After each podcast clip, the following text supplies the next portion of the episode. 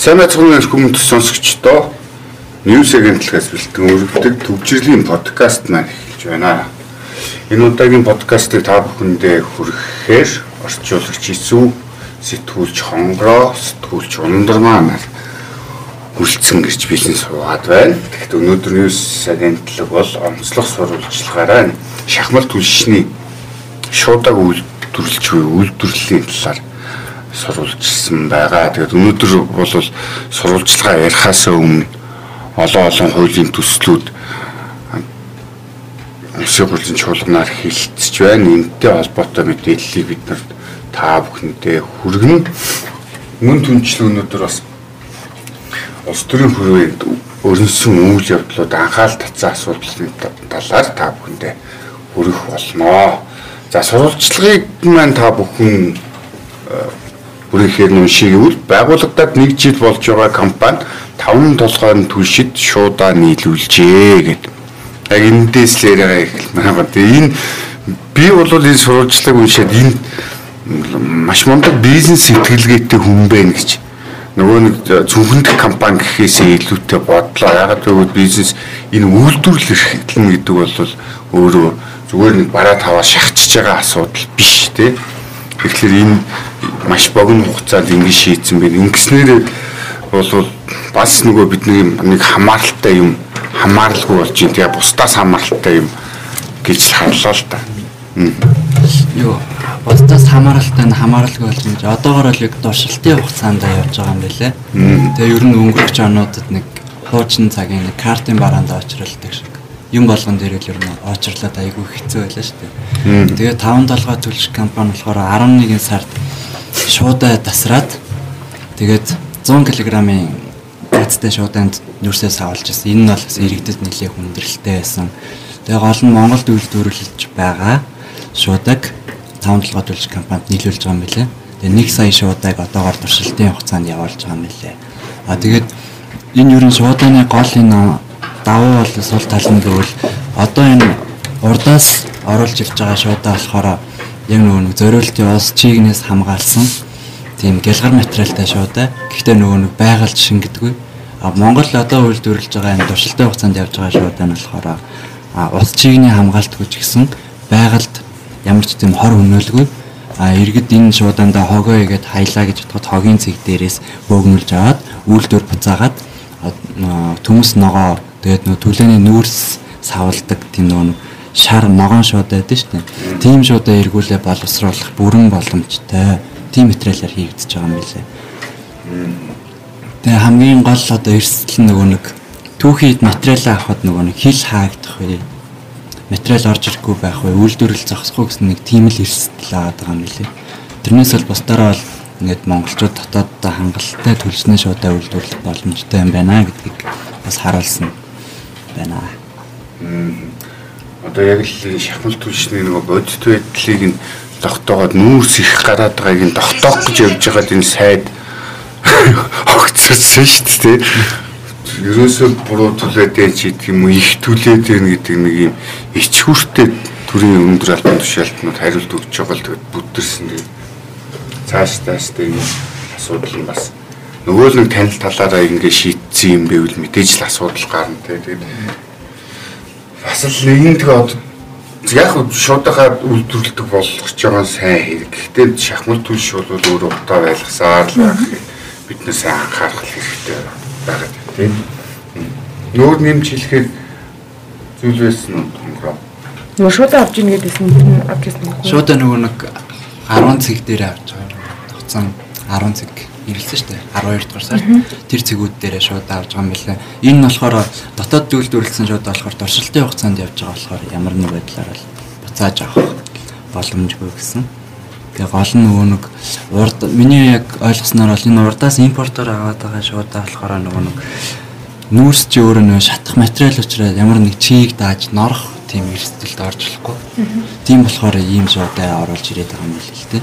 Тэрнээс л дотоод бол шууд аваад Хонгоос гоё хэллээ энэ чинь нүүрс шүү дээ. Тэг шахмал дүрслэгээд байгаа болохоос цавтаа ойлцсон унтгалцал нүүрс байгаа. Тэгээд уучлаарай. Инээс нь болохоор нөгөө ингэж хадгалж болохгүй энэ орн мод гэл нөгөө айдуудад өчнөө жил нүрсээ түлдээд ирсэн нөгөө таамбар энтрийг нь шалгаад гэртээ оруул моруул энэ хадгалтын горио мартчих гэх нэг аим хүнсний бүтээгдэхүүн ярьж байгаа юм шиг. Хадны хүмүүс яваад исэн тий Тэрэн шиг тэгээд нэг ямар ч байсан гэхдээ энэ түүхийн идэ бол бас гаднаас авч байгаа юм байна тэгээд Гэхдээ бас өөрсдөө үйлдвэрлээд эхлээ дараа дараа гэртээ болоод боловсруулаад хэрэглэх нь байна тийм. Шийдэл ч ихсэн айгүй гоё байна. Нөгөө нэг урдаас зүгээр л нүүрсний шуудаа дахин боловсруулалтгүй нүүрсний шуудаа оруулж ирж байгаа. Тэгтэл монголчууд дахин боловсруулаад ашиглаж болохоор тийм шуудаа үйлдвэрлэж байгаа. Тэр нь хэцүү байсан. За за та бүхэн тэгээд энэ талаар сурвалжлагыг байгууллагатаар нэг жил болж байгаа компани 5 толгойн түш шууд нийлүүлжээ гэдэг энэ компани бол бас бусад компаниуд ч гэсэн 25-ын хилийн шуудаа санал болгоод саяыг зарсан гэж юм те. Тэгэхээр бас нэг ч гэсэн үйлдвэрлэл маань ингээд өсөн гэвч аштай юу да гэх. За нөгөө сошиал гарсан тэгээ ховдын сургууль унцаан тэгээд одоо албаны хүмүүс бол насжилт бол өндөр болцсон энэ э, чанарын шаардлага хангахгүй юм байр байсан гэж мэдэгдээд байсан. Гэхдээ яг ийм э, аюулууд бол цааш тааштай энэ сургуулиуд төр ялангуяа газ газ тендер зарлал барай ичдэг. Энэ сургуулиуд дээр ч гэсэн асуудлууд үүсээд зарим сургуулиуд нь говалтаад гэх чинь хөлдсөн нөгөө шалан бөмбөгээд гараад ирсэн хүүхдүүд өвлийн хувцастайгаа гадуур хувцастайгаа хичээлж байгаа тийм мэдээлэл хүртэл гарч лээсэн тийм. Стандарт нийцээгүй сургуулаар мөнгө халааслахаа болёо гэх. Тэгээ энэ талаар ер нь тодорхой судалгаа хийсэн юм байдгийм болов ер нь байдаг юм лээ. Би тэгээ нөгөө өчигдөр хайж утсан байхгүй.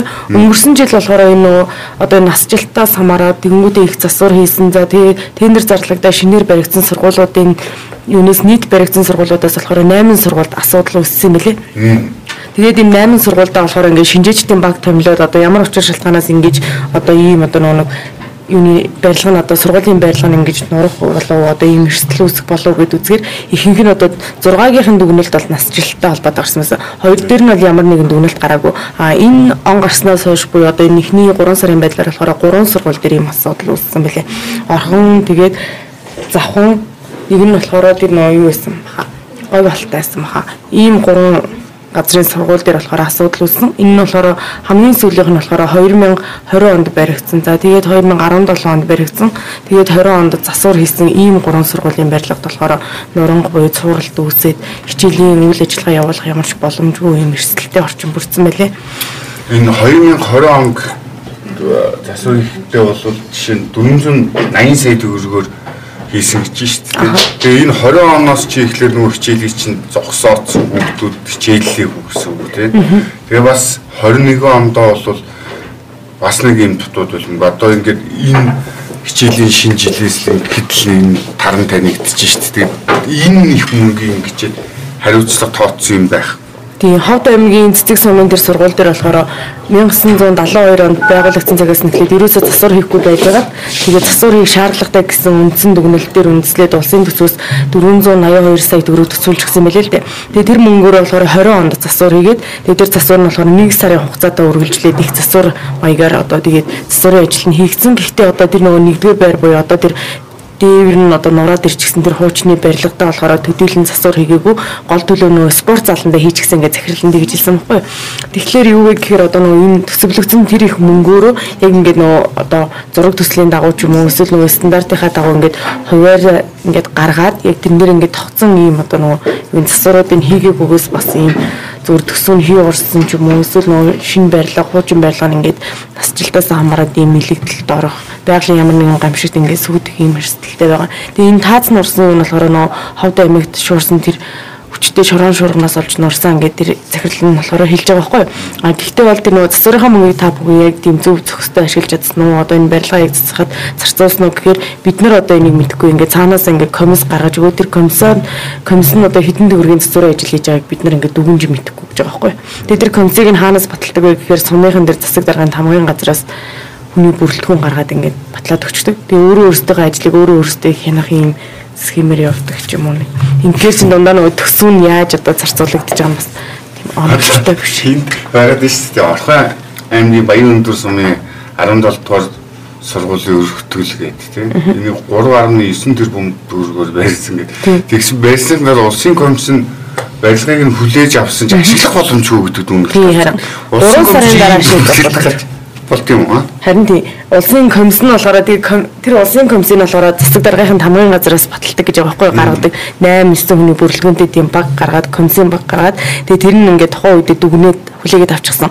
Тэгээ 3 сарын дараа болохоор нөгөө доороос нь ингээд ус нь ингээд дулааны шугамн задраад гэлүүдээ ус нь гараад тэгээ дээрээсээ бас ингээд нөгөө хан ингээд цуралт өгөөд ус энэ нэвчээд ингээ хөөлт үсээд хан ман айгу амар алчихсан гэж хэлж байгаа байхгүй.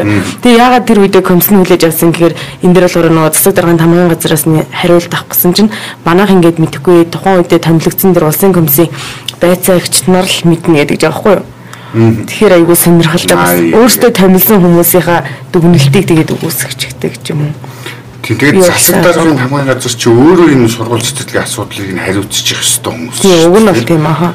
Тэгсээр нэг ингээд нөгөө одоо энэ дээр ингээд хин хариуцлага хүлээх вэ гэхээр манад ерөөс огт хамааралгүй гэдэг зүйлийг яриа сууж байгаа. Тэгээ одоо ийм онцгүй балеринаас болоод компаниуд ч гэсэн эхлээд барилгаа барьчиж байгаа дараа нь зөвшөөрлөө авдаг. Тэгээ хотод бол ийм байдлаас л болоод барилгууд хин ч хямрал тавьдаггүй. Тийм уг улсын комисс бол одоо ямар энэ зураг төсөлтөө тусгагдсан барилгын материал юм зураг төслөөрөө явж гин үү тэрийг ашиглаж гин үү хийж гин үү стандарт шаардлага хангасан бүтээгдэхүүн барилгатай ашиглаж ийн өгчлэн хяналтын үгэн тавиа гэж юм. Одоо тэгээ энэ өргөтгөлийн барилга болохоор ашиглалтанд оруулах ёстой болчихсон хугацаа алидийн өнгөрсөн гэж байгаа байхгүй. Тэгээд дөнгөцөө бас нөгөө захиралтай холбогдоод асуугаад манай хүүхдүүд одоо нөгөө сумынхаа соёлын төв дээр хичээлж байгаа хүүтэн байрна.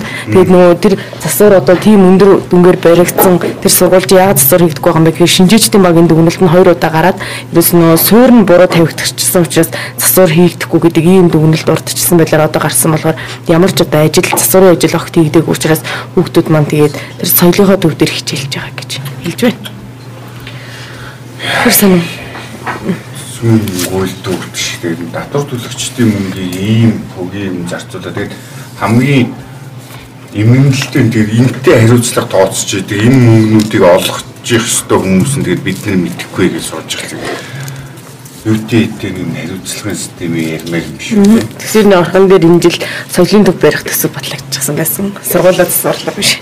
Тэр зөвхөн хүчтэй шуургаас гэж байгаа шүү дээ. Өөр бусад байгалийн хүчтэй эрсдлийг эрслээс ямар охирол хамсчлах вэ гэдгээс.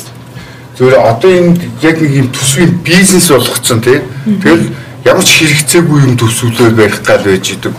Одоо зарим сумд ч юм бол баруун аймагуудад хоёр соёлын төвтэй сумд зөндөө болцсон. Тэгээд давхарлаж бүр хашаа энэ төр нөгөө үзэмжийг сайжруулж ийн гэд айлуудын хашааг давхарлаж хоёр давхар хашаа бариад идэг. Ийм юм бол бүр замаа алдсан юм шиг байлээ. Ийм утга учирууд ихт чинь хүүхдүүд нөгөө сурвал одоо хот чинь сургууль хөрөлцөөгөөс 3 ээлжээр хичээлж ийн 40 хэдэн хүүхдтэй нэг багш хичээл орж ийн. Ахтад хэцүү хэцүү юмнууд байгаад байдаг. За тэгтэл өнөөдөр зөрчлийн тухай хууль нэмэлт өөрчлөлт оруулах тухай хуулийг хэлцэж байгаа. Энэгээр торгуул шийтгэлээсээ ер нь бол торгуулаасаа татвалцаад аль болох нөгөө иргэдийн баримтлах торгохоос торгож баримтлагаас татгалцсан шийдвэр бодлого барьнаа гэдэг юм тийм одоо энэ зөрчлийн хууль бол ерөөсөө л нөгөө татвар бүрдүүлэлтийн нэг хэлбэр болгоцсон тийм. Ярих хэлэхгүй шилтгаанаар торгоод өгдөө тэгсэн мөртлөө төр нь өөрөө нөгөө иргэдийнхаа амьдрах боломж чөлөөтэй энэ юмд дандаа саад хийждэг болцсон. Одоо тэгээд энэ үг хэлэх үзэл бодлоо илэрхийлснээс болж баярчлагдсан хүмүүсийн статистик тоо төрт нь байхгүй байна гэдэг тийм. Уг нь бол хамгийн уг нь хамгийн чинь асуудал гарч ирэх хэвээр тоо өстэй тийм ямар хууль зүйл заалтаар яаж баривчлаад байгаа вэ гэдгийг өгөн байж хэвчээ шүү дээ тэр хүнийг тийм яагаад баривчилж байгаа гэдэг их чинь өөрсдөнд нь ийм статистик байхгүй болохоор тэгээд эн чинь зүгээр л хэлмэгдүүлэлт ч юм уу эсвэл хин нэгний үзмжээр хүнийг одоо үзэл бодлоо илэрхийлж исэн үнийг бол хууль эрх зүйн үндслээр биш үзмжээр бариад байна гэсэн үг шүү дээ. За юм байна гэдэг энэ бас л эвгүй хуулийн заалтууд л яваад байгаа шиг байна. Тэгээ энэ талаар дэлгэрэнгүй мэдээллийг албаны хүмүүсээс нь авсан дэлгэрэнгүй сурвалжлагыг хэлэлцүүлгийн сурвалжлыг бол манай дэлгэр цэцэг бэлтгэсэн. Та бүхэн энэ талаарх мэдээллээ зөрчлийн тухай хуулийг шинжилж торгож баримтчилгаас татгалцнаа гэж байгаа боловч татгалзан гэдгийг кавичинд хийсэн шилтгаан нь эсэргээрээ татгалцахгүй нэ ойлгох юм бүтэхгүй нэ. Тэгээд нэг хуулийг янзлах чинь гэл нуухын авахгаас сох нүдийн сохлог хичээл нэг юм зүтгүүлээд ах шиг байна манай нэг Батар сайн. Энэ сурвалжлыг тавхан дэлгэн рүүч мэдээлэл аваарай. За гадаад мөнх солонгосын гадаад бодлого хаашаа ирэх вэ гэд ерөнхийлөгч шинээр сонгогдсон ерөнхийлөгч гарч ирсэн тийм. Аа. За саяхны 3 сарын 8-нд болсон сонгуулийн үеэр Мун Жэйний дараа Юн Сокёл гэдэг за одоо ерөнхий прокурор асан ерөнхийлөгчөөр сонгогдлоо. Энэ нь маань өөрөө л Мун Жэйний өмнөх ерөнхийлөгчийг бас авилгалын хэрэгээр шоронд хийжсэн удаатай. За тэгээд шинэ гадаад бодлогын хувьд бол Юн Сокёл мөн Жэйнийг бол арай нөгөө нэг харьцангуй хатуу чанга дэглэмтэй байлгая гэж бодож байгаа юм байлээ. За яагаад вэ гэхлээр за хамгийн наад захын жишээ нь гэмэд хойд солонгостой харилцах харилцаа байгаа. Мөн Жэйн бол хойд солонгостой инхийн гэрээ байгуулад ямар нэгэнтэй дайн тулаан гэхгүйгээр ингээд нэгдмэл явъя гэсэн. А гэхдээ хойд солонгосын талын хувьд бол өнгөрсөн оноос ахуулаа тийм ингээд пуужин баллистик пуужингуудын тэм туршилтуудыг хийж илаа. Энэ нь өмнөд Солонгос бол Америк нэгдсэн улсын газар нутаг дээр ч гэсэн унаад ер нь баг зэргийн хохирол учруулж исэн. Тэнгүүд энэ Сокёл бол энэ тал дээр нэлээд тийм чанга хариуцлага тооцсон. Хойд Солонгос болон тийм хятадтай харилцах харилцаагаа ерөнхийдөө бол холдуулнаа гэж өөрөө бол яг э, яриад байгаа юм.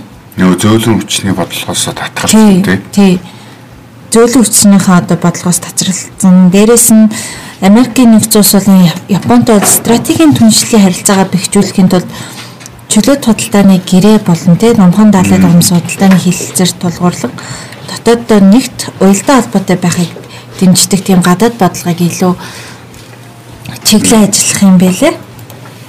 За тэгээд хойд солонгосын нөгөө нэг цэргийн аюул занал хийлийн эсрэг бол цэрэг цэрэгжилтийг эрчимжүүлэх тийм милитарист неоконсерватив бодлогыг ашигланаа гэд солонгосын сайтууд ерөнхийдөө бол мэдээлсэн байсан. Мунжэйний өмнөх үед бол ерөнхийдөө хүмүүс ч айгүй тийм анхандаа мунжэйнд дуртай л шүү дээ. Хоёр солонгосыг нийлдүүлнэ. За тэгээ гадаад бодлогоо ингээд улам уяатан байлгана гэсэн боловч яг өөрийнх нь хийсэн ажлыг хөвд дүгнээд үзэх юм бол ямар ч үр дүн гараагүй. Тэгэхээр энэ удаагийн сонгуул дээр бол хүмүүс юм сокёлд айгүй их тийм найдлага тавьж гинэ гэж хэлж болно. За нэгдэн илч үе солонгос орн гэж ярьдаг байсан юм бол буцаад холдон холдож үе солонгос орн болох нь шүү дээ. Өмнөд солонгосуудыг цэргийн хүчээрээ л юм хойд солонгосоос одоо жоохон харилцаа холбоо таслана. Тэгээ дээрэс нь Америкийн нэгдсэн улстай ерөнхийдөө бол хамаагүй илүү ойртон ажиллах төлөвлөгөөтэй байгаа. Солонгос гэсэн нь Солонгост иргэн сурвалжлагжсэн Монгол иргэн баригдсан гэх бас мэдээлэл болсон байсан тийм. Энэ Солонгос гэж одоо манай монголчууд айгүй их очиж чинь тий. Тэрүүгээрээс бас хэрэг төвөгт оролцох нь их болж. За энэтэй холбоотойгоор өмнөд Солонгос үгээр ажиллах иргэдийн анхаарал гэж байгаа мэдээлэл гаргажээ. Тэгээд энэ дээр бол гадаад хавсар банкны тодорхойлтын зураг шаардлага хангаагүй өөртөө солонгос зорчиж байсан гэр бүлийн байдал болон холбогдох мэдээлэл алдаатай бичиж өгсөн зэрэг зөндөө асуудлууд байгаа. Энэ нөгөө бидний яг виз мэдүүлдэг өөр нэрээр явах гэж оролддог энэ юмнууд л байгаа. Тэр хараар ажиллаж байгаад хөл бусаар ажиллаж байгаад ирсэн тэгээд дахиж явах гэдэг. Тэгээ иймэрхүү мэдээлэл гарна. Тэгээд энэ доолнд нөгөө зүгээр хууль ёсны ажиллаж хөдөлмөрлөж сурч боловсрож байгаа хүмүүстэй дандаа хэцүү байдал болдог. Тэгээ нөгөө гадуурхал өртдөг нэг охин бол гадуурхалт үтсэн ерөөсөө тэр монголчууд надад нэг юм хууль бос юм хийж идэг гэсэн тэр хүүхдүүд магадгүй сэтгэл сэтгэл сэтгэхүй үүссэн байхыг бол үсэхгүй шүү дээ. Тэгээ нэг дээрлэгчмээр санагдсан юм шиг. Тэгээ тэр хэрэг тэгээ ялангуяа энэ асуудал дээр манай элчин сайдын яамдууд сайн ажилламаар юм шиг байгаад байна. Тэгэхэд хизээ хойно мэдээллийг ингээд нийгмийн сүлжээгээр гарсны дараа дараа нь тэгсэн гэсэн мэдсэн гэж байгаа юм шиг нэг асуудал таана тийм. Одоо өгөн өмнөд солонгосоос нэг юм журам ковидын үеийн төр журам гаргацсан билээ. Монголчууд одоо нөгөө харалсан тохиолдолд 3 сарын 30-ны дотор одоо багтаад нөгөө хүсэлтээ өгөөд гарч ирнэ ямар нэгэн торгуур шийдэлгүйгээр тэр энэ хугацаанд багтаадаас харалсан иргэд байвал гарах боломжтой гэд мэдгдсэн гэсэн одоогор бол тийм иргэд нөгөө нэг одоо тэр журмынхын дагуу Монгол руу ирсэн тийм хүн байхгүй гэж гадаад арилгаж хэлж байна. За энэ ардсан намын дараа ерөнхийлөгчсөн Батулга нэр дэвшээр мэдгдсэн. Тэгээ үүнтэй холбоотойгоор ардсан намын ерөнхий нэрийн бичгийн дараа өнөр баяр мэдээлэл хийсээ. Энэ мэдээллийн утга нь бол ардсан намаас ардсан намын дарагд нэр дэвш ирэх байхгүй. Тэгээ учир нь юм бол энэ хүн ерөөсөө ардсан намын үзэл баримт зарчмын дагуу ажиллаагүй харин ч эсэргээрээ ажилласан шкафт илсэх төмөз санаачлаг гаргасан төмөз замын болон гадаад бодлогын үзэл баримтлуудыг Монгол улсад хохируулж хууль байдлаар өөрчилсөн. Дээр нь одоо Монголын ардчлалын бэлтгэмж гэдэг энэ моохын жишээ нь өөрийнхөө нэрээр болгочихсон зөвхөн өөрийн мэдлэлд болгочихсон байх жишээ нэгээд дээр нь Тэгээ моохто хүн дараагаар нэтлсэн. Тийм. Олгоод байсан чи тэгээд өөрийнхөө ганц хүнийхөө баг өөртөө олгочих шиг ийм юм болчлоо гэдэг юм бас мэдээлэл гарч ирж байна. Тийм учраас энэ хүн бол ардсан намыг төлөөлөх боломжгүй. Өөрөөр нэг ардчилсан намыг нийлэл нэг тийм хүн гарч ирж байна. Гээд ингэж байна. Тэгээд ардсан нам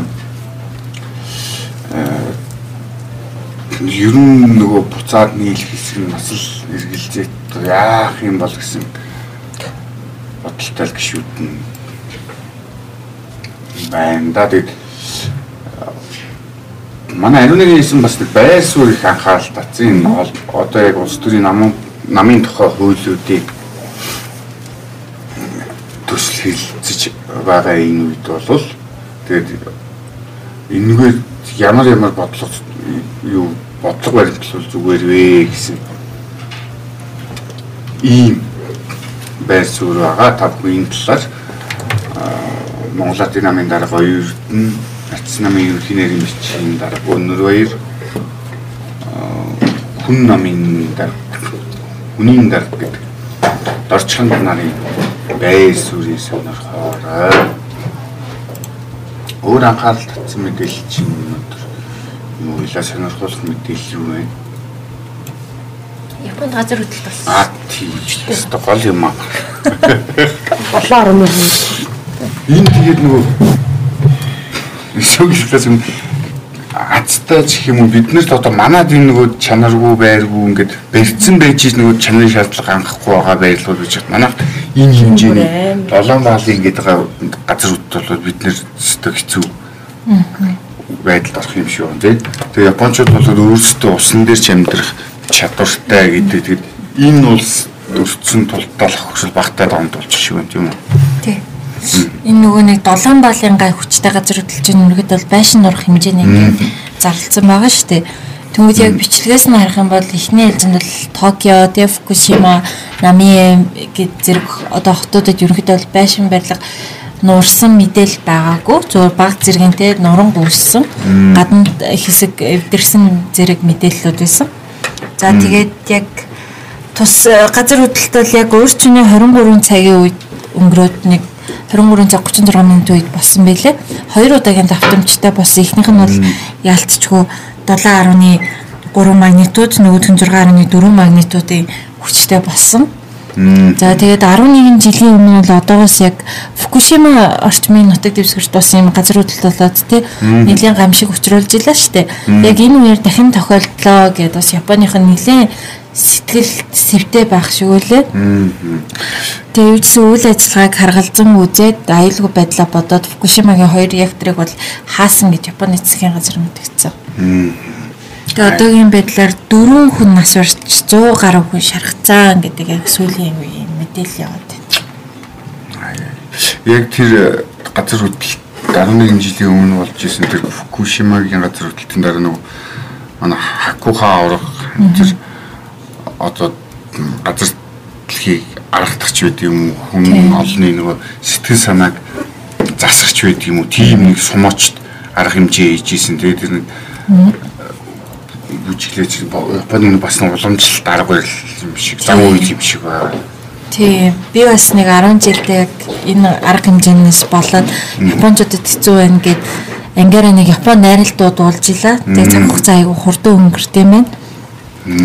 Тэнгүүт яг энэ одоо газар хөдлөлтөөс болоод ерөнхийдөө Японы байр барилга ингээд унахгүй байгаа шүү дээ. Тэгээд тэр Монголд болоод ирэх юм бол бас арай өөр.